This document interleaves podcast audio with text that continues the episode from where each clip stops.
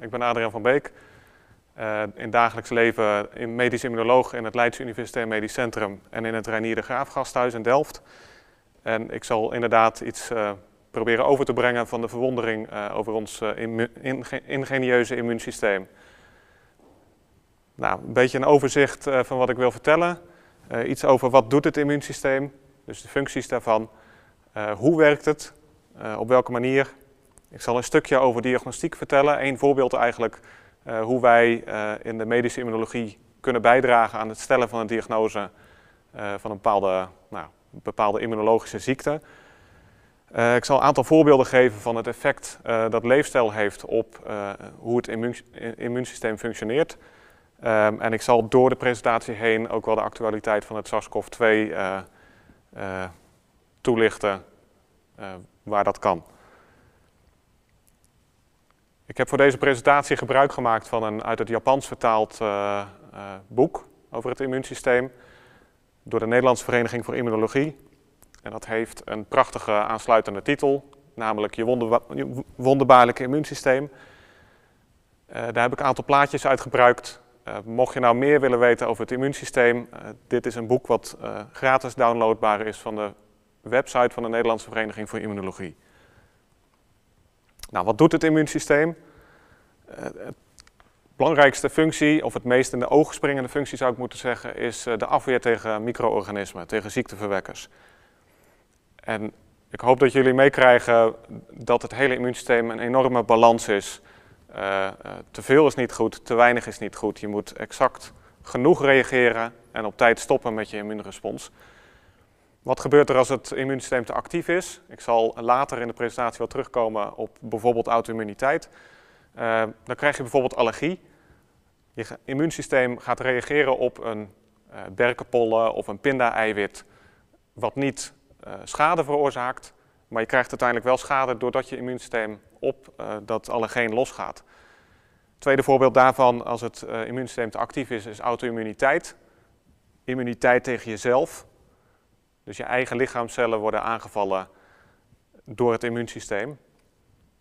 Nou, is daar ook een wat nieuwere uh, soort ziekte uh, in beeld gekomen, auto-inflammatoire. Dat viel vroeger eigenlijk best wel in de auto-immuniteithoek. Uh, maar dat betekent eigenlijk dat het immuunsysteem niet eens een ziekteverwekker nodig heeft of eigen lichaamcellen om een immuunrespons op te wekken. Maar er zit iets anders mis waardoor het immuunsysteem vanzelf een ontsteking veroorzaakt. Nou, je kunt ook een immuunsysteem hebben wat te weinig actief is. Nou, dan valt dat onmiddellijk op doordat je in de problemen komt zodra je een bacterie of een virus tegenkomt. Uh, dus infecties, maar de, het kan ook kanker zijn. Uh, ook dat is een van de functies van het immuunsysteem om uh, in elk orgaan, in het bloed, overal onze eigen lichaamcellen in de gaten te houden en als er een ontspoort om die uit te schakelen. Ik heb hier lymfoom en leukemie bijgezet omdat dat de kankers zijn van het immuunsysteem zelf. Dus als een immuuncel zelf, die kan ook ontsporen en dan spreken we over lymfoom of leukemie. Nou, welke cellen zijn daar dan bij, bij, betrokken? Ik heb een aantal opgeschreven, er zijn er veel meer. Maar dit zou je kunnen zeggen zijn de meest voorkomende of de meest onderzochte. Uh, granulocyten, met name de neutrofiele granulocyten. Monocyten macrofagen. En granulocyten plus monocyten macrofagen, dat zijn eigenlijk cellen in het immuunsysteem die heel goed zijn in het opeten van een bacterie of een virus die ze tegenkomen. Ze hebben uiteraard meer functies dan dat. NK-cellen, natural killer cellen, nou, daar hoor je al iets van killing in. Die zijn heel goed in staat om kankercellen bijvoorbeeld op te sporen en uit te schakelen, te killen. En als laatste T-cellen en B-cellen, de zogenaamde lymfocyten. En uh, daar kom ik ook nog wel verder op terug wat die doen. Er is nog wel eens in het verleden gezegd, het immuunsysteem heeft een deel wat niet zo specifiek is en die T- en die B-cellen die zijn heel specifiek. Nee, het hele immuunsysteem is specifiek. Die herkent bepaalde structuren of bepaalde stukjes eiwit uh, en gaat dan pas reageren. T- en B-cellen zijn wel speciaal, daar zal ik op terugkomen. Onthoud nu vast even dat dat met geheugenvorming te maken heeft. Nou, hoe zien die cellen er in het bloed uit? Ik heb hier vier voorbeelden. Uh, linksbovenin uh, een neutrofiele granulocyt. Daarnaast een monocyt. Uh, die kun je allebei in het bloed uh, met name tegenkomen of in het beenmerg. Daaronder, linksonder, is een lymfocyt. Dat kan dus een T-cel zijn of een B-cel. Ehm, en daarnaast een plasmacel, die heb ik niet genoemd in dit rijtje, is eigenlijk een hele rijpe B-cel. Maar zeker in de SARS-CoV-2 nou ja, periode waarin wij zitten, dat zijn de antistoffabrieken van ons lijf. Uh, daar komen antistoffen tegen bijvoorbeeld het SARS-CoV-2 vandaan. Nou, waar zit ons immuunsysteem? We hebben primaire immuunorganen, uh, het beenmerg en de thymus. Daar ontstaan, of daar zijn eigenlijk de stamcellen, de hematopoëtische stamcellen, die uiteindelijk kunnen uitrijpen tot, tot de rijpe immuuncellen, waarvan ik net een aantal voorbeelden heb gegeven. Um, er is één uitzondering. Dus in het beenmerg ontstaan eigenlijk alle immuuncellen, behalve de T-cellen. Die gaan in een heel vroeg stadium uh, naar de thymus toe, de zwezerik die boven je hart zit. Uh, en daar rijpen de, de T-cellen verder uit. En ik zal dat straks uitleggen wat daar in de thymus gebeurt. Secundaire immuunorganen, dus op het moment dat we rijpe immuuncellen hebben, die uh, worden vanuit het beenmerg of vanuit de thymus naar het bloed, die gaan naar het bloed. En die gaan dan naar de secundaire immuunorganen, bijvoorbeeld lymfklieren, de milt, uh, follicles. In vrijwel elk orgaan uh, zit het immuunsysteem. En je zou het niet zo op het eerste oog uh, bedenken, maar de darm is uiteindelijk het grootste immuunorgaan. op zich niet zo gek. Daar zitten evenveel darmbacteriën als dat wij lichaamcellen hebben. Je zou kunnen zeggen, zoveel potentiële ziekteverwekkers zitten daar. Maar er zitten uiteraard ook goede darmbacteriën tussen waar het immuunsysteem juist op moet letten dat die in stand blijven. En uiteraard de ziekteverwekkers tegenhouden. Nou, er zijn slechts enkele organen die zogenaamd uh, immune privileged zijn. En uh, dat is bijvoorbeeld een deel van het oog of de zaadbal. en ook de hersenen vallen daar nou ja, min of meer onder. Daar zitten immuuncellen. Maar bijvoorbeeld T-cellen zul je normaal gesproken niet in de hersenen terugvinden. Omdat die te veel schade zouden doen. En ook, nou daar kom ik later wel op terug, ook omdat onze immuuncellen niet gewend zijn om met stukjes eiwit uit de hersenen om te gaan. Dus de kans is groot dat er dan auto-immuniteit volgt. Nou, eh, wat gebeurt er in het beenmerg en de thymus? Niet alleen uitrijping, maar er vindt ook een selectie plaats van de lymfocyten, de B- en de T-cellen. In de beenmerg is dat voor B-cellen, in de thymus is dat voor T-cellen. En in dit voorbeeld, in dit plaatje, zie je hoe dat min of meer gaat in, het, in, in de thymus.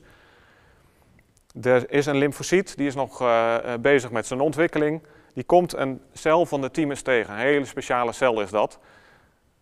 Want die cel in de thymus is in staat om vanuit, nou ja, bijvoorbeeld, uh, ik zal het voorbeeld van insuline nemen. Wordt normaal gesproken alleen in de alvleesklier geproduceerd.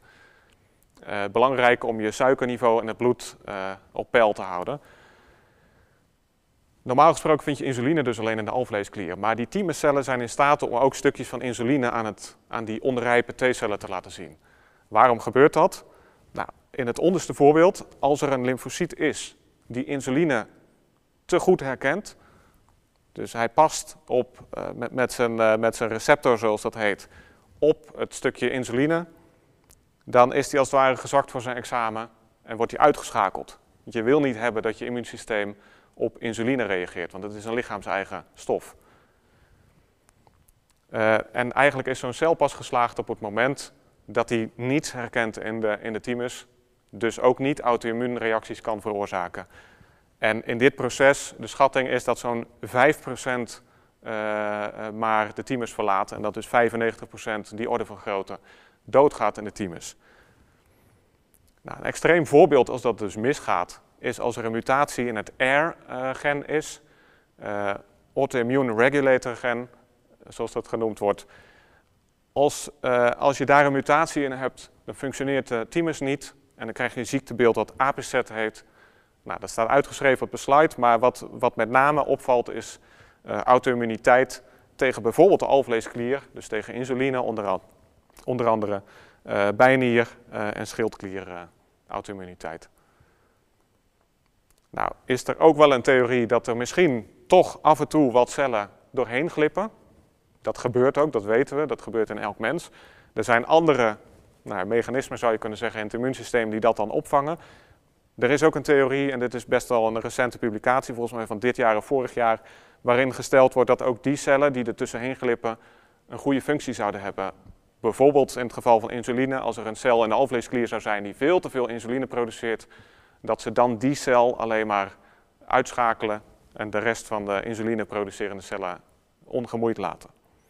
En ook hier zie je in, dit, nou, de samenvatting van dit artikel zie je een balans staan. En zie je ook dat als die balans uh, doorslaat in de zin van dat de thymus niet functioneert, krijg je auto-immuniteit. En de andere kant op, uh, dan krijg je misschien wel problemen met te veel insulineproductie of andere nou ja, hormoonproducerende organen. Nou, terugkomend op de functies van het immuunsysteem. Ik heb gezegd, het is om ziekteverwekkers uit te schakelen. Uh, nou, wat voor ziekteverwekkers zijn dat? Ik heb al wel wat genoemd, bacteriën, virussen, maar ook schimmels, parasieten horen daarbij.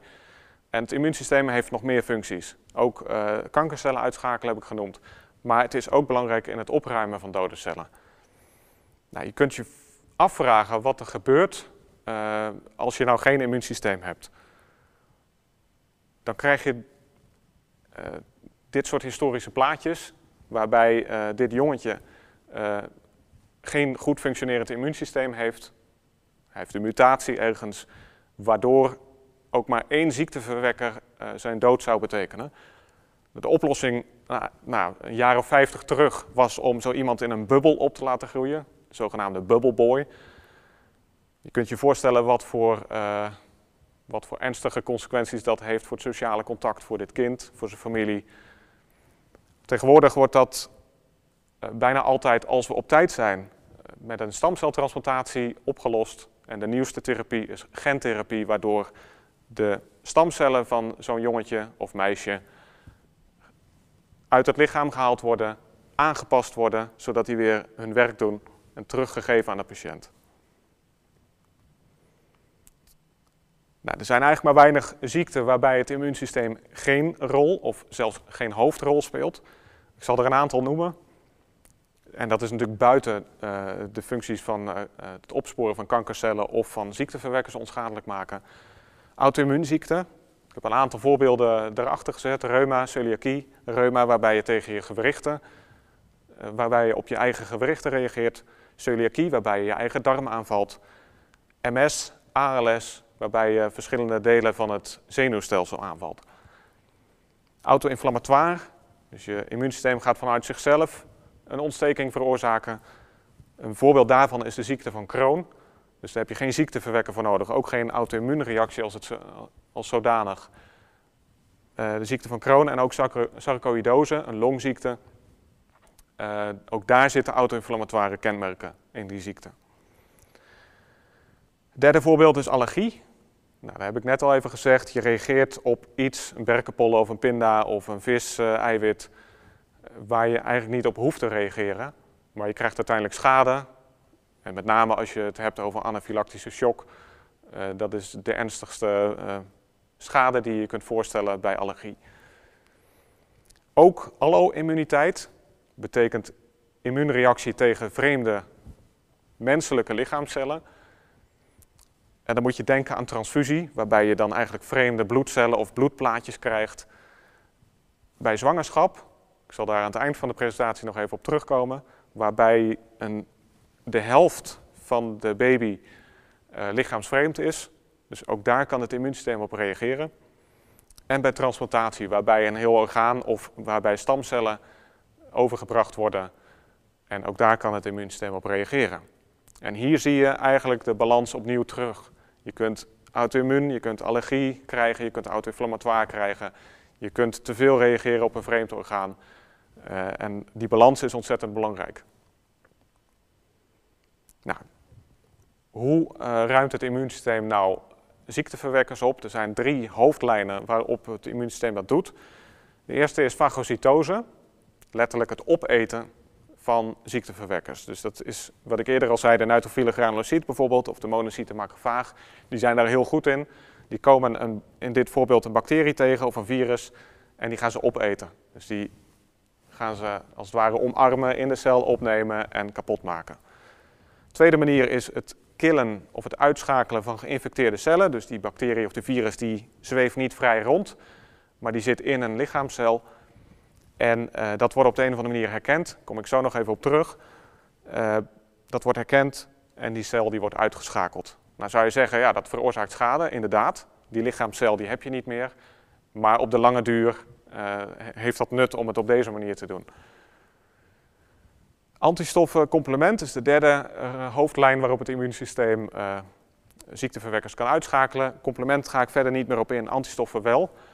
in dit voorbeeld zie je ook antistoffen. Dus dat zijn die eivormige structuurtjes die aan de ziekteverwekker gaan binden. En daardoor zorgen ze ervoor dat, nou, dat de ziekteverwekker zelf niet in een lichaamcel kan komen. Uh, dat hij zich niet meer zo makkelijk voort kan bewegen. Maar ook dat de opname, dus de fagocitose opnieuw, die gaat een stuk sneller en een stuk uh, beter. Nou, er zijn twee delen van het immuunsysteem. Het is min of meer opgedeeld in twee delen. Die grens is niet zo ontzettend zwart-wit. Uh, maar je hebt een aangeboren immuunsysteem. Je zou kunnen zeggen de eerste lijn van verdediging. Nadat je uh, je eerste lijn van lichaamcellen overwonnen hebt, of slijmvliezen. Of... Dat herkent bijvoorbeeld de suikerstructuren op een bacterie dat het om een ziekteverwekker gaat. Dat zijn structuren die je in je eigen lijf niet hebt. Vaak structuren van een celwand, zoals wij dat niet hebben als mensen. en daardoor kunnen zij die ziekteverwekker herkennen.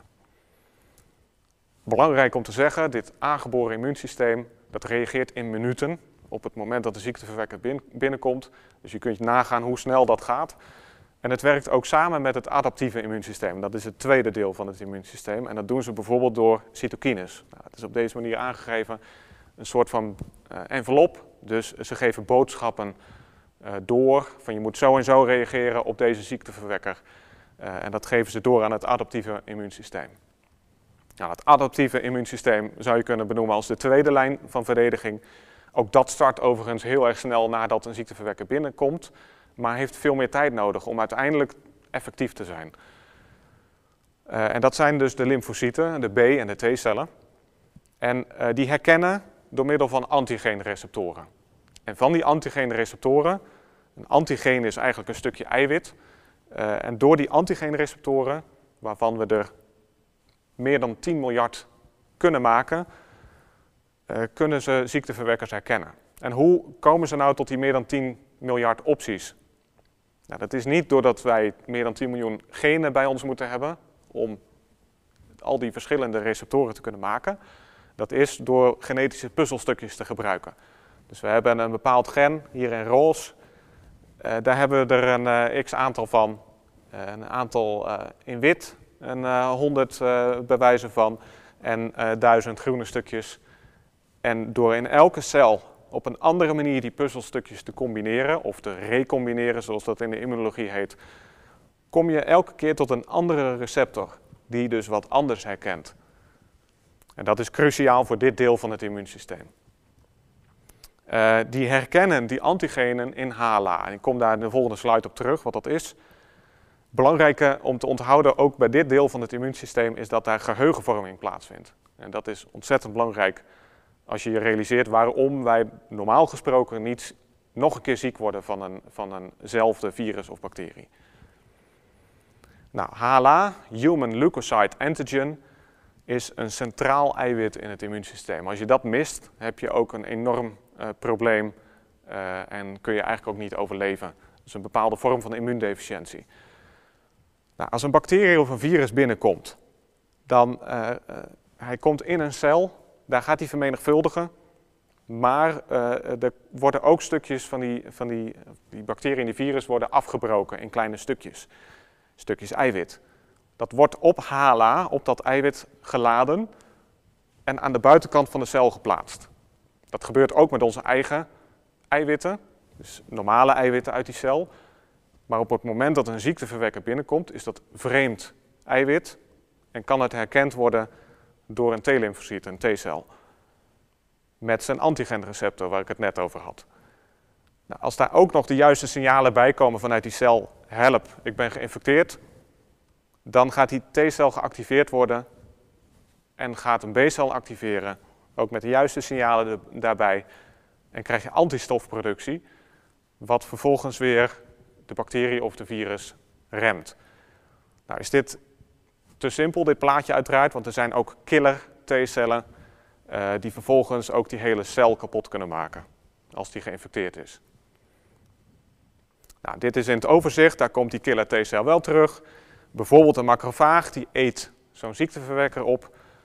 Die laat een stukje van zo'n ziekteverwekker, die maakt hij dus kapot. Laat die zien aan een killer T-cel of aan een andere T-cel die de B-cellen instrueert om antistoffen te produceren. En op die manier kan een ziekteverwekker uitgeschakeld worden in grote lijnen. Minstens zo belangrijk als het starten van een immuunrespons is het stoppen van de immuunrespons. Uh, en daar hebben we speciale regel-T-cellen voor. En die regel-T-cellen die zeggen op een gegeven moment: het is genoeg geweest, de ziekteverwekker is geklaard, is uit het lichaam verdwenen. Nu is het tijd om te stoppen met immuunrespons. Want een immuunrespons, wat ik al even aangaf, er worden geïnfecteerde cellen gedood, er ontstaat ook andere schade, daar moet je niet te lang mee doorgaan. En er zijn dus ook ziekten waarbij een immuunrespons niet stopt. En ook dan kom je dus in de problemen. Dan heb je dus niet zozeer problemen met je ziekteverwekker, maar wel wat erna gebeurt. Nou, wat gebeurt er nou eigenlijk? Even aan de hand van het SARS-CoV-2. Wat gebeurt er nou als zo'n ziekteverwekker er is? Die komt binnen. En ik kan het niet laten om toch even uh, iets te zeggen over hoe dat virus waarschijnlijk meestal binnenkomt. Uh, er is onlangs in de Lancet een uh, publicatie geweest waarin er tien wetenschappelijke argumenten gegeven worden waarom SARS-CoV-2 hoofdzakelijk via de lucht binnenkomt, via aerosolen. Het aangeboren immuunsysteem die herkent dat virus onmiddellijk en verlaagt en zal in, in veel gevallen de dosis, dus de hoeveelheid virus verlagen. En dat is heel belangrijk. Bijvoorbeeld NK-cellen, natural killer cellen, zullen dat heel snel en capabel kunnen doen. Maar niet al het virus wordt op die manier uitgeschakeld. En het virus komt in een aantal cellen uh, binnen en kan uh, repliceren, kan uitbreiden, kan zich vermenigvuldigen. Uh, maar met dat dat vermenigvuldigd wordt, worden er ook stukjes eiwit, stukjes virus-eiwit in het HLA geladen. en op die manier worden de antigenen van het virus herkend. Dus u kent ook wel de zelftest van SARS-CoV-2, antigentest. Nou, ook dat is weer een stukje eiwit van het virus waar we het dan over hebben. Nou, die lymfocyten herkennen ook die antigenen. Die gaan uh, antistoffen maken, die gaan killen, die gaan uh, geïnfecteerde cellen uitschakelen. Maar in sommige patiënten krijg je een cytokinestorm. Er worden veel te veel signalen gegeven van, uh, ja jongens, we zijn nog lang niet klaar met onze immuunrespons, we moeten door.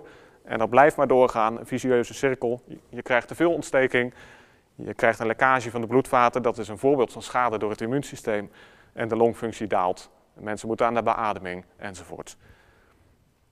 Maar waarom gaat het nou mis? Uh, ik zal één voorbeeld geven. Uh, een hele recente publicatie. Die uh, heet T-cells Warriors of SARS-CoV-2 Infection. De T-cellen, dat zijn de strijdkrachten die je nodig hebt om tegen SARS-CoV-2 eh, te kunnen optreden. En wat gebeurt er nou juist in een deel van de patiënten die in de problemen komt? Je hebt veel te weinig T-cellen, lymfopenie, zoals dat heet. Uh, je hebt veel te veel neutrofielen. En dat zorgt ervoor dat er, nou ja, dat er een cytokinestorm ontstaat. Uh, er zijn te weinig geregeld T-cellen, dus die immuunrespons die gaat veel te lang door, ook als het virus al weg is. En op die manier krijgen mensen dus zoveel schade door het immuunsysteem dat ze op de intensive care terechtkomen. Andere verklaringen zijn er ook. Uh, mutaties in bepaalde cytokines, uh, auto-antistoffen, waarbij een deel van het immuunsysteem niet meer werkt. Dus er zijn meerdere verklaringen waarom het mis kan gaan. Nou, dit is even belangrijk om te realiseren. Als je nou de eerste keer zo'n ziekteverwekker tegenkomt, hoe lang duurt het dan voordat je ook effectief kunt optreden tegen zo'n ziekteverwekker? Nou, de eerste keer duurt dat zo'n 14 dagen. Dus je, vanaf het moment dat het ziekteverwekker binnenkomt,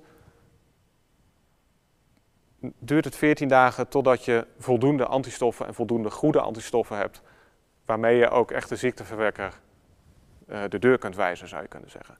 De tweede keer, en dit is heel belangrijk, gebeurt dat binnen 7 dagen.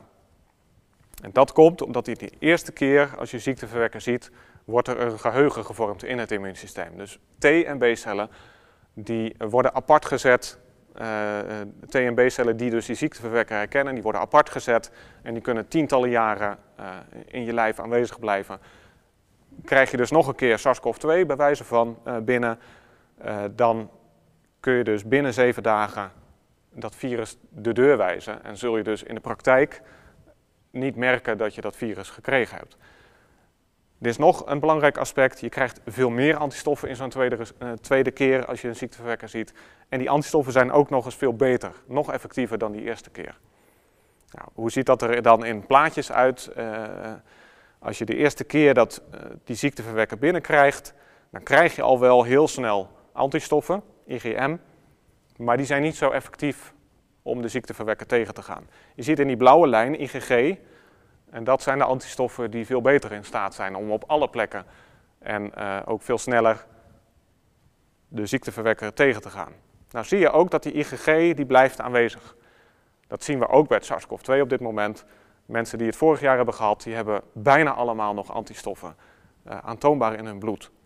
Maar dat is niet het belangrijkste, want de geheugencellen zijn belangrijker dan of je antistoffen hebt. Want als de tweede keer dat uh, die ziekteverwekker binnenkomt, dan zie je dat je van die IgM-antistoffen, nou, dan krijg je een beetje hetzelfde als in de eerste keer, maar die IgG die, en die komt veel sneller en die gaat veel harder reageren. En het zijn ook nog eens eigenlijk andere IgG-antistoffen, nog effectiever. En op deze manier uh, werkt het geheugen dus. En dit, dit, komt van de geheugencellen, dat het dus zo snel en zo sterk uh, kan reageren. Nou, wat doe je nou bij vaccinatie? Dan bood je een uh, infectie na. Het doel daarvan is om uh, geheugen te krijgen. Want dat is immers de reden dat wij normaal gesproken niet twee keer eenzelfde ziekte krijgen. Dus vaccinatie is gericht op geheugenvorming en dus op langdurige bescherming. Dat lukt niet bij alle ziekteverwekkers. Bij SARS-CoV-2 lijkt dat wel te lukken. Uh, en de meeste vaccins, tot, zoals we die kenden tot uh, vorig jaar, waren conjugaatvaccins. Waarin maar een klein stukje van de ziekteverwekker zat. Niet verzwakt, niet dood, een klein stukje van de ziekteverwekker. En op die manier kun je dus ook niet meer de ziekteverwekker zelf in, uh, in je lijf krijgen. Dus je kunt niet meer ziek worden van die ziekteverwekker zelf. Nou, hoe werkt dat dan bij mRNA-vaccins? Ik zal daar heel kort iets van zeggen, want dat is een nieuw type vaccin. Werd al wel toegepast in, uh, in kankerimmunotherapie. Dus om kankercellen, om het immuunsysteem te instrueren bepaalde kankercellen uit te schakelen. Er wordt mRNA in het lijf ingespoten in plaats van eiwit. Nou, wat is mRNA? Je hebt DNA, dat is je genetische informatie die je in, je in elke lichaamscel hebt zitten, in de celkern. Dat DNA moet uiteindelijk bepaalde eiwitten, uh, daar moet je bepaalde eiwitten van produceren. De tussenstap is mRNA. Dat mRNA wordt dus ingespoten, mRNA van het SARS-CoV-2. Dat komt in lichaamcellen, wordt een eiwit van gemaakt en dat eiwit wordt aan het immuunsysteem eh, gepresenteerd, ook weer met HLA. En op die manier kan het immuunsysteem gaan reageren op eiwitten van het SARS-CoV-2, geheugen vormen, antistoffen produceren en bescherming bieden tegen het complete SARS-CoV-2. Een veel gehoorde vraag bij vaccinatie is: ja, kan het dan geen auto-immuniteit veroorzaken? Het antwoord is ja, dat kan. Maar realiseer je dat dat ook bij eh, de natuurlijke infectie optreedt. Dus ook bij het SARS-CoV-2, we weten dat daar mensen in de problemen komen omdat ze auto-immuunreacties krijgen. En het is dan de vraag uh, in hoeverre uh, de risico's tegen elkaar opwegen. Auto-immuniteit, het kan allerlei cellen in je lichaam treffen. Je ziet hier een, een overzichtsplaatje en uiteraard, uh, alle cellen kunnen getroffen worden, dus dat is maar een selectie die je hier ziet. Bijvoorbeeld gewrichten, hier bij de pols, uh, reuma, blaarziekte waarbij de huid aangevallen wordt. Bloedvaten bij systemische sclerose, een hele ernstige ziekte ook. Myositis, waarbij de spieren aangevallen worden. Speekselklieren in het Sjögren-syndroom. Auto-immuunencefalitis, waarbij de hersenen aangevallen worden. Uh, de schildklier, het hart, de longen, nou, alles kan, eh, kan aangetast worden. De alvleesklier staat hier nog niet eens zozeer op, uh, maar die kennen we van suikerziekte type 1 bijvoorbeeld. Nou, wat doen we in de diagnostiek? Daarin proberen we bij te dragen aan de diagnose uh, van ziekte waarbij het immuunsysteem betrokken is. We krijgen bijvoorbeeld bloed of hersenvocht of, of beenmerg, lymfeklieren, weefselbiopten binnen. Waarbij de arts ons vraagt, joh, wij denken aan dit en dit, uh, wil je daar naar kijken? En wij gaan daarmee aan de slag. Dus dat zijn vragen met betrekking tot allergie, auto-immuniteit, immuundeficiëntie, hematologische maligniteiten, dus dan hebben we het over leukemie en lymfoom, uh, of transplantatie. Nou, ik zal één voorbeeld geven van uh, een test, immuunfluorescentietest, uh, voor auto-immuundiagnostiek. En ehm, hoe werkt dat dan? Wij krijgen bloed binnen van, van patiënten. In dat bloed zitten antistoffen er kunnen ook auto-antistoffen in zitten. En auto-antistoffen horen bij auto-immuniteit. We hebben een, een uh, glaasje waarop menselijke cellen ge, uh, aangebracht zijn. Het bloed wordt op die cellen gebracht, wordt ermee in contact gebracht. Als daar auto-antistoffen in zitten, dan zullen ze binden aan die menselijke cellen. Alles wordt verder weggewassen, het bloed. En wij kunnen met een fluorescent uh, middel kunnen wij aantonen of die auto-antistoffen er zijn of niet. Dus zien wij niks onder de microscoop, dan is de kans dat zo iemand auto-immuunziekte heeft een stuk kleiner geworden. Nou, als je wel wat ziet, nou, deze specifieke test, het is een van de mooiste vind ik, uh, je kunt van alles zien. En ik zal zo uitleggen waarom je dit soort patronen zou kunnen zien. Je ziet bijvoorbeeld een gespikkeld patroon, de celkern van die, van die cel is uh, gespikkeld aangekleurd. Dus er zitten auto-antistoffen op bepaalde plekken. Het kan ook homogeen, dat hoort bij DNA. Het zit door heel de celkern heen. Dan zie je dat je een heel homogeen uh, beeld ziet in deze test. Nou, je kunt ook centromeerbeeld zien, je kunt een nucleolair beeld zien. Allebei celkern. Ander soort patroon wat we ook zien in deze test, of kunnen zien in deze test, is een mitotisch patroon. Dat zie je alleen maar in delen, delende cellen. Uh, of een cytoplasmatisch patroon. Dus de celkern is negatief, we zien daar niks, maar we zien wel in wat er omheen zit, zien we wel aankleuring.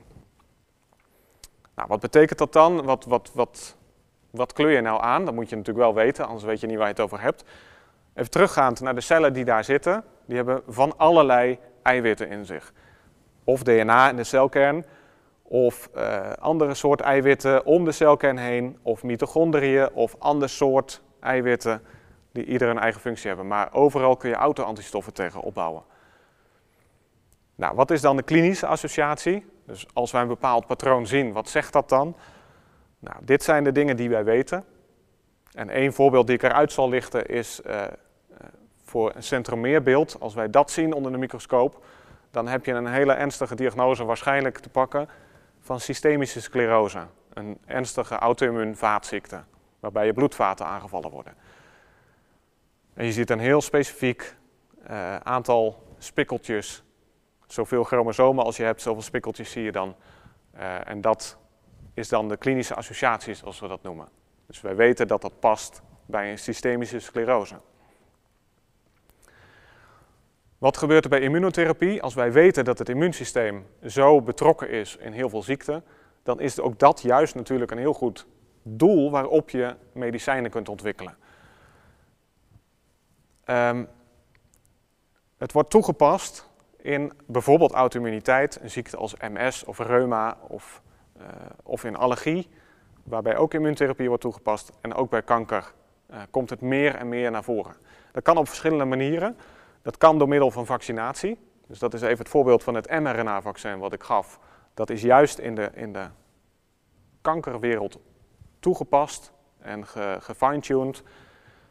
Kan ook door celtherapie. Je haalt cellen uit het lichaam van die patiënt die een bepaalde ziekte heeft. En je gaat ze in een kweekplaat ga je ze instrueren met, nou, dan ga je ze een bepaalde richting uitduwen. En dan geef je ze terug aan de patiënt. Dus je hebt ze eigenlijk extra getraind, zou je kunnen zeggen. Dan geef je ze terug aan de patiënt met het doel dat, en dat wordt met name bij uh, kankers toegepast, met het doel dat de kankercellen uitgeschakeld worden. Nou, met antistoffen, dat is de, nou, je zou kunnen zeggen de makkelijkste route. Uh, die worden heel erg veel toegepast, met name bij huid, long- en nierkanker. Maar ook in auto-immuunziekten zoals MS en reuma. Daar worden heel veel antistoffen gebruikt om bepaalde signaalstoffen van het immuunsysteem uit te schakelen. Nou, twee, ik zal twee voorbeelden geven van hoe leefstijl het immuunsysteem beïnvloedt. En uh, ook hier zie je een balans, omdat als je uh, te weinig voeding krijgt, En dat kan op twee manieren eigenlijk. Dus doordat je een tekort krijgt aan micronutriënten, bijvoorbeeld ijzer, uh, vitamine A, vitamine D, vitamine C, zink, selenium. Er zijn een heel aantal micronutriënten waarvan wij weten dat ze het immuunsysteem versterken. Nou, als je daar dus een tekort van hebt, dan verzwak je je immuunsysteem en kom je eerder in de problemen als je een ziekteverwekker tegenkomt. Het kan ook zo zijn dat je in zijn algeheelheid ondervoed bent en dan heb je dus überhaupt te weinig energie om je immuunsysteem voldoende uh, op peil te krijgen als er een ziekteverwekker binnenkomt. Omdat het immuunsysteem ook ontzettend veel energie kost. Nou, de andere kant van de balans, dus je hebt ondervoeding, maar je hebt ook overvoeding, obesitas, overgewicht. Uh, en daarbij weten we dat die patiënten een laaggradige ontsteking bij zich hebben. Dus het immuunsysteem is continu in ontsteking. En dat is niet zodanig dat je daar heel erg ziek van wordt. Maar je komt wel eerder in de problemen als je een ziekteverwekker tegenkomt. Omdat je immuunsysteem eigenlijk al continu in die ontstekingsmodus zit. Nou, ik heb daar zelf ook onderzoek aan gedaan. Even kijken of ik dat filmpje kan uh, laten starten. Uh, en daar hebben we gekeken wat het effect is van uh, als je een muis, en dit zijn twee hele oude muizen allebei, eigenlijk aan het eind van hun leven zou je kunnen zeggen. Deze muis, je ziet het eten in zijn kooi staan, maar je ziet ook hoe wankel die is, er wordt zo meteen wel op ingezoomd. En die andere muis die krijgt maar 70% van wat deze muis krijgt aan eten. Nou, je ziet hoe die aan het trillen is. Hij valt ook om. En je ziet allerlei oude, ouderdomsverschijnselen. En die andere muis, die dus veel minder eten gehad heeft, calorische restrictie wordt het ook wel genoemd, die zie je en realiseer je dat dat een muis is die even oud is als die andere muis. Waarschijnlijk ruikt hij het eten in die andere kooi, vandaar dat hij zo actief is, maar vooruit, je ziet wel het verschil tussen links en rechts. We hebben dat ook onderzocht voor als je nou niet het hele dieet 30% eh, minder maakt, maar je doet dat bijvoorbeeld voor één aminozuur. Uh, ik ben betrokken geweest bij onderzoek naar tryptofaanrestrictie, een van de aminozuren. Dan zie je ook, in mindere mate overigens, zie je ook wel dat soort effecten optreden. En we hebben natuurlijk met name naar het immuunsysteem gekeken en ook daar zie je grote effecten van als je aan de voeding zit te sleutelen. Nou, een ander voorbeeld is microbiota of uh, darmflora. Hoewel het niet alleen in de darm voorkomt, ook in je longen of op je huid heb je, heb je bacteriën. En dat zijn vaak goede bacteriën, die heb je nodig. Hoe kun je dat nou heel goed onderzoeken? Dat is, uh, ze hebben muizen ze in, in labkooitjes, uh, om het zo maar te zeggen, in kooitjes. Ze hebben ook steriele muizen gemaakt. Nou, die zitten dus in zo'n bubbel, zoals die bubbelboy die ik eerder noemde met een deel van zijn immuunsysteem die die miste. Maar je hebt ook op die manier dus steriele muizen kun je maken. Dus die worden bij de geboorte onmiddellijk in zo'n bubbel geplaatst. Die hebben dus geen darmbacteriën, die zijn steriel. Wat je dan ziet als je een ziekteverwekker geeft, waarbij een normale muis geen probleem heeft, die schakelt hij uit. Zo'n steriele muis komt ernstig in de problemen. En we weten inmiddels dat dat komt omdat vanuit de darm signalen worden gegeven door normaal gesproken darmbacteriën, dat in het beenmerg de uitrijping van je immuunsysteem anders gaat. Dus je darmbacteriën zijn verantwoordelijk voor een goede instructie van je immuunsysteem, zou je kunnen zeggen. En in een steriele muis gaat dat dus mis. Daar heb je die instructie niet en kun je dus met simpele ziekteverwekkers in de problemen komen. En uiteraard heeft de darmflora een hele sterke link met voeding, want wat je eet eh, is ook deels de voeding van je darmbacteriën. Nou, als conclusie wil ik een aantal voorbeelden geven, en ik heb natuurlijk een heel aantal voorbeelden gegeven, uh, hoe wonderlijk ingenieus het immuunsysteem is. Maar ik heb vooral voorbeelden gegeven als het misgaat. Uh, ik wil ook een aantal voorbeelden geven wanneer het wel goed gaat. Er is becijferd dat je gemiddeld per dag zo'n 7 infecties doormaakt en 10 tumoren krijgt. Of ontspoorde cellen zou ik eigenlijk moeten zeggen. Um, en dat zijn er zoveel van vrijwel al deze infecties en ontspoorde cellen merk je niets. En dat is omdat het immuunsysteem in staat is bij de meeste mensen om dat op tijd op te sporen en uit het lichaam te verwijderen. Ander voorbeeld is zwangerschap. Ik heb dat al even gezegd, een kind is voor de helft lichaamsvreemd. Nou, wat doet een immuunsysteem met lichaamsvreemd eiwit of lichaamsvreemde andere substanties, daar kan een immuunsysteem op reageren. En als dat gebeurt in een zwangerschap en er wordt een immuunreactie gestart tegen het kind, dan kan dat leiden tot, tot een miskraam. En het is een wonder hoe vaak dat dan goed gaat. Het immuunsysteem is ook wonderlijk divers. Er zijn zoveel verschillende ziekteverwekkers, maar het immuunsysteem is ook juist in staat om, nou, wat ik zei, meer dan 10 miljard verschillende antigeenreceptoren te maken. Uh, met een beperkt aantal genstukjes, met genetische puzzelstukjes. En deze complexiteit is voor mij heel belangrijk geweest om te realiseren dat er nou ja, iemand boven staat die dit geschapen zal moeten hebben. Er is ook niets overbodigs in ons lichaam. En ik zal twee voorbeelden geven van rudimentaire organen, zoals ze vroeger uh, bestempeld werden, overbodige organen. Een voorbeeld daarvan is de blinde darm. Daar werd vroeger, uh, zodra je daar een ontsteking aan had, werd het verwijderd. Daar is men veel terughoudender in geworden. En men is aan het testen of antibiotica-kuur niet even goed zou kunnen werken, waarbij je dus dit immuunorgaan uiteindelijk kunt laten zitten. Want het blijkt dat de blinde darm daar een functie in heeft. Wat ik zei, de darm is het grootste immuunorgaan. Daarvan is de appendix, of de blinde darm, daar zitten nog meer immuuncellen. En dat is om de juiste bacteriën te selecteren die daar mogen zitten. Tenminste, dat is een van de theorieën. Ander voorbeeld zijn amandelen of tonsillen. Daar werd ook vroeger veel makkelijker, uh, werden ze geknipt of verwijderd. Uh, die heb je in je neus zitten of achter in je keel. En die hebben, zoals we nu weten, een hele belangrijke functie tegen longvirussen of andere ziekteverwekkers. En uh, als ze verwijderd zijn, is de kans op auto-immuniteit toegenomen. Om maar een voorbeeld te geven. En dat brengt mij bij het einde van deze presentatie, waarbij ik graag David nazegt in Psalm 139. Uh, ik loof u, omdat ik op een heel vreselijke wijze wonderbaarlijk gemaakt ben. Wonderlijk zijn uw werken, ook weet het mijn ziel zeer wel. En dat kun je uiteraard voor het hele lichaam, zo heeft David het, het opgeschreven voor het hele lichaam. Ik heb u een klein stukje laten zien uh, van dat lichaam, het immuunsysteem. Ik heb u eigenlijk niet verteld hoe dat immuunsysteem vervolgens met het hormoonsysteem of met het zenuwstelsel communiceert. Ook dat gebeurt uiteraard. Uh, maar alleen al het immuunsysteem is zo wonderlijk. En uh, nou, concluderend, immuunsysteem, één grote balans, of heel veel balansen zou je eigenlijk moeten zeggen. Te veel of te weinig van een immuunrespons heeft desastreuze gevolgen. En het is wonderlijk geschapen. Ik dank u voor uw aandacht.